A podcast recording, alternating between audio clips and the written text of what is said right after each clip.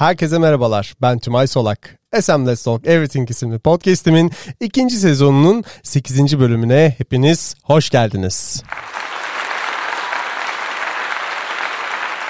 Bu hafta geçtiğimiz aylarda okuduğum Disciplined Entrepreneurship, Sprint, 80'e 20 kuralı isimli kitaplarda sözü edilen girişimcilerin sıkça kullandıkları metodolojilere yakından bakıyor olacağız. Hadi başlayalım. İlk olarak yazar Bill Olet tarafından kaleme alınan Disciplined Entrepreneurship isimli kitaba dair notlarımı sizlerle paylaşmak istiyorum. Girişimcilik ruhuna sahip olmak sürdürülebilir bir iş modeli oluşturmanıza yardımcı olacak mıdır? Elbette olacaktır ama girişimciliğin temel bir sorunu vardır ki o da müşteridir. Eğer siz kendi değer yargılarınız ve ilgi alanlarınız doğrultusunda bir girişimci olursanız müşterilerin bir sorununu çözmek ve karşılığında gelir elde edebilmek gibi çok temel bir amacı gözden kaçırabilirsiniz. Gelin girişimciliği nasıl bir iş modeliyle sürdürülebilir kılarsınız bir göz atalım. Öncelikle yaygın olarak kullanılan iş modellerini gözden geçirerek işe başlayabilirsiniz. Bu size hangi modelin daha iyi veya sizin fikriniz ile ilişkili olduğunu anlamanıza yardımcı olacaktır. Kendi sektörünüzde kullanılan iş modellerini incelemenizde iyi bir başlangıç olabilir. Kendi iş modelinizi tasarlarken en yaygın olarak kullanılan tek seferlik peşin ödeme ile bakım anlaşması modeliyle işe başlayabilirsiniz. Bu modelde müşteri ürünü satmak için peşin olarak büyük bir meblağ öder ve sonrası için ürün özelinde bakım anlaşması imzalarsınız. Bu sayede kullandığı üründe yaşanabilecek bir sorun veya güncellemeler için destek de alabilecektir. Bu modele örnek vermek gerekirse şirketlerde kullanılan veri tabanları yazılımlarında bu iş modeli gözlemlenebilmektedir. Diğer bir iş modeli maliyet artı ücret olarak isimlendirilebilir. Bu iş modelinde müşteri ürünün üretim maliyetine ek olarak belirli bir oranda daha ödeme yapmaktadır. Genellikle bu iş modeli kamu sözleşmelerinde veya ürün üretiminde riskini müşteri ile paylaşmak istendiğinde kullanılmaktadır. Saatlik ücret isimli iş modelinde ise girişiminize dair ürününüzün geliştirilmesi veya projelendirilmesi sürecinde müşteriye teslimatı gerçekleştirildiğinde kullanım süresine bağlı olarak bir ödeme yapılması gerekmektedir. Özellikle bu iş modeli hizmeti veya danışmanlık şirketleri tarafından tercih edilmektedir. Son iş modeli ise üyelik veya kiralama modelidir. Bu iş modeli her ay ya da üzerinde daha öncesinde müşteriyle anlaşılmış bir zaman dilimine göre yapılan sabit bir ödeme türüne sahiptir. Birkaç farklı çeşidi bulunmaktadır. İlki bir veya birkaç yıllık sözleşme yapılabilmektedir. Bu sayede müşterinizi belirli bir süre kendinize bağlamış olur ve gelir akışınızı daha rahat yönetebilirsiniz. Örnek vermek gerekirse de filo araç kiralama bu model üzerinden yönetilebilmektedir. Diğer çeşidi ise aydan aya üyelik sunulabilmesidir. Bu sayede müşteri büyük bir esneklik hakkına sahip olur. Sizin için ise bir takım riskler oluşturabilmektedir. Gelir akışınızı uzun vadeli planlayamayabilir, müşterinizi daha hızlı kaybedebilirsiniz. Bu iş modeline ise örnek olarak spor salonları üyelikleri verilebilmektedir. Sırada yazar Jake Knapp tarafından kaleme alınan Sprint isimli kitaba dair notlarımı sizlerle paylaşmak istiyorum.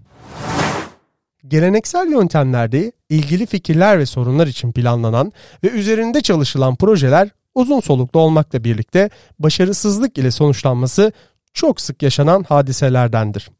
Bunların yaşanmasını engelleyecek sprint yöntemi tamamen best practice bir diğer adıyla başaran yöntem üzerine kurulmuştur diyebilirim. Bu süreç toplamda 5 gün sürmektedir. Aynı zamanda ön hazırlık süreçleri yer almaktadır. Ön hazırlık sürecinde ilgili süreçte kurgulanacak fikrin ve sorunun tespit edilmesi, katılım sağlayacak konu ile ilgili kişiler ve bu süreç içinde bir araya gelinecek mekan ve zaman belirlenmektedir. Toplam 5 gün derken bir haftanın 5 günü süreç devam etmektedir. İlk gün yani pazartesi günü ekip bir araya gelir, ilgili fikri veya sorunu özelinde uzun vadeli bir hedef belirlenir, mevcut durum ortaya konur ve 5 günde çözülebilecek yönetilebilir bir yol haritası belirlenir. Salı günü, pazartesi günü belirlenen aşılması gereken engelin nasıl çözüleceği yönünde fikirler geliştirilir. Bu fikirlerin hayata geçirilmesi için taslak çalışmaları gerçekleştirilir ve bir çözüm havuzu oluşturulur.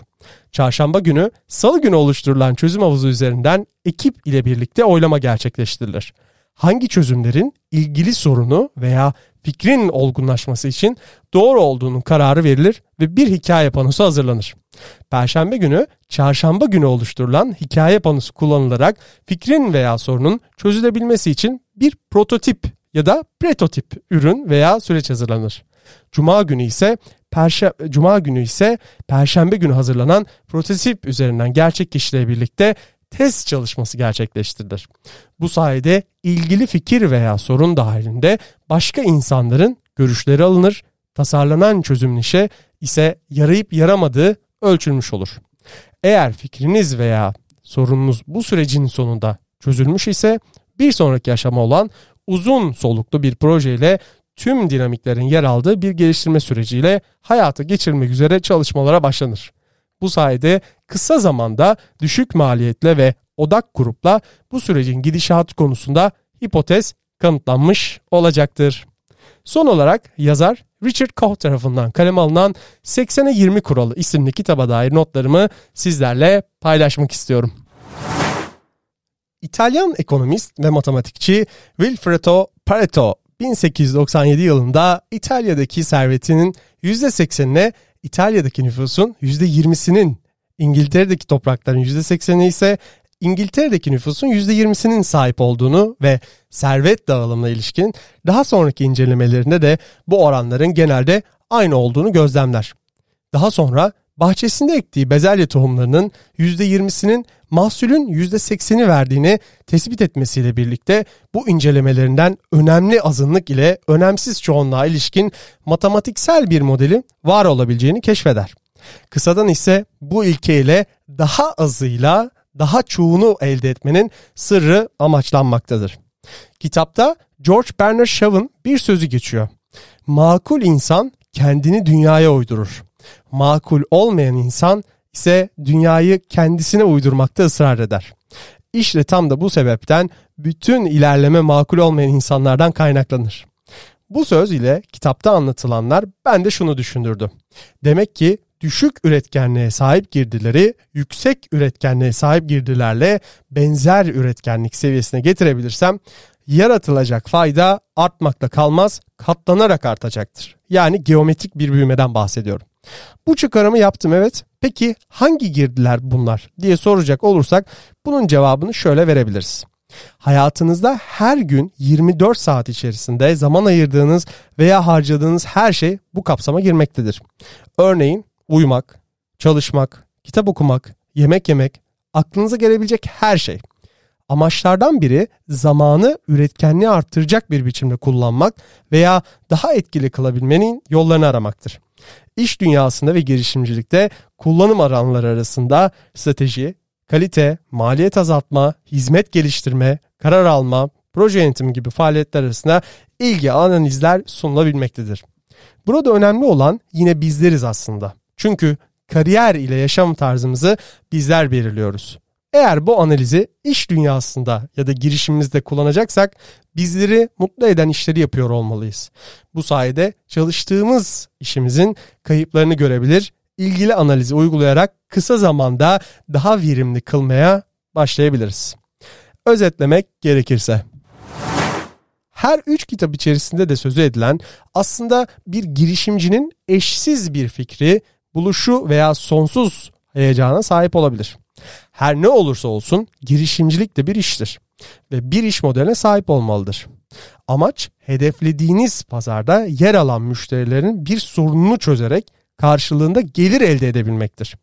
Unutmayın ki bu yolculukta tüm adımları doğru atsanız bile girişimcilikte zamanlama çok önemlidir. Doğru zamanda doğru insanların sorununu çözebilmelisiniz. Evet bu haftalıkta benden bu kadar. Umarım sizler de benim kadar keyif alıyorsunuzdur. Yorumlarınız için bana mail atabilir veya LinkedIn üzerinden ulaşabilirsiniz. Gelecek hafta görüşmek dileğiyle. Hoşçakalın.